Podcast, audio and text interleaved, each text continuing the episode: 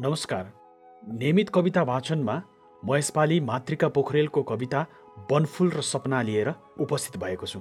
आशा छ अन्य कविताहरू चाहिँ यो कविता वाचन पनि यहाँले रुचाइदिनुहुनेछ। यो वनफुल शब्दसँग मेरो विशेष लगाव छ किनकि केही वर्ष अगाडि मैले वनफुल नामक चलचित्रमा अभिनय गर्ने मौका पाएको थिएँ। तर विविध कारणवश उक्त चलचित्र प्रदर्शनीमा भने आउन सकेन। केही विशेष प्रदर्शनीहरू बाहेक। स्वीकार्नुहोस् कवि मातृका पोखरेलको कविता वनफुल र सपना। म वनफुल युगौँदेखि गरिबी र अपमानको हिउँले धेरै ठाउँमा डामिएका छन् मेरा फुलका पत्रहरू। सभ्यताको जङ्गारमा घाइते भएर म धेरै पटक लडेकी छु अपमानित भएरै। मैले पनि युगलाई नबोकेको भए हामी सबै मिलेर चन्द्रमा कसरी छुन्थ्यौँ? ठिराउने वर्तमानमा बाँचेर मैले सबैलाई एक पाखो घाम ताप्न बोलाएकी हुँ। म सेतो सुनार। हामी सबैभन्दा टाढा मेरो अर्को कुनै सपना छैन। मेरा पिता पुर्खाले खाडलमाथिको जमिन देखेनन्। मैले खाडलमाथिको जमिन टेकिन। म सेतो सुनार। मैले खाडलमाथि उठ्न बलिदानको एउटा भर्याङ लाएँ।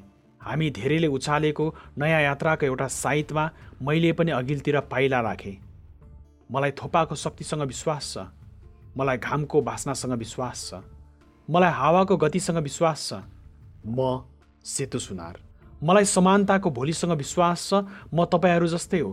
मलाई बगैँचाका फुलहरूसँग अलिकति गुनासो छ। प्रिय आफन्तहरू भोलिको समयलाई बेला बेलामा सम्झाइरहनु।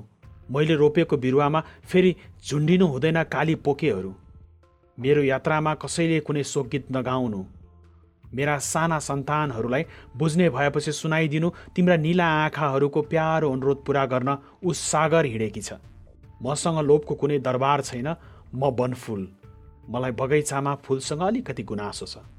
मेरा पुर्खाले गोडमेल गर्दा नदेखेको एउटा झार झ्याङ्गिएर विषवृक्ष भएछ। मेरा पुर्खाले गोडमेल गर्दा नदेखेको एउटा झार झ्याङ्गिएर विषवृक्ष भएछ।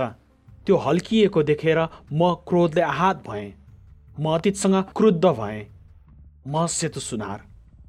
मैले खाडलमाथि उठ्न बलिदानको एउटा भर्याङ लाएँ। प्रिय आफन्तहरू म जङ्गली फुल। म सेतो सुनार। तपाईँहरूभन्दा टाढा अर्को मेरो कुनै सपना छैन।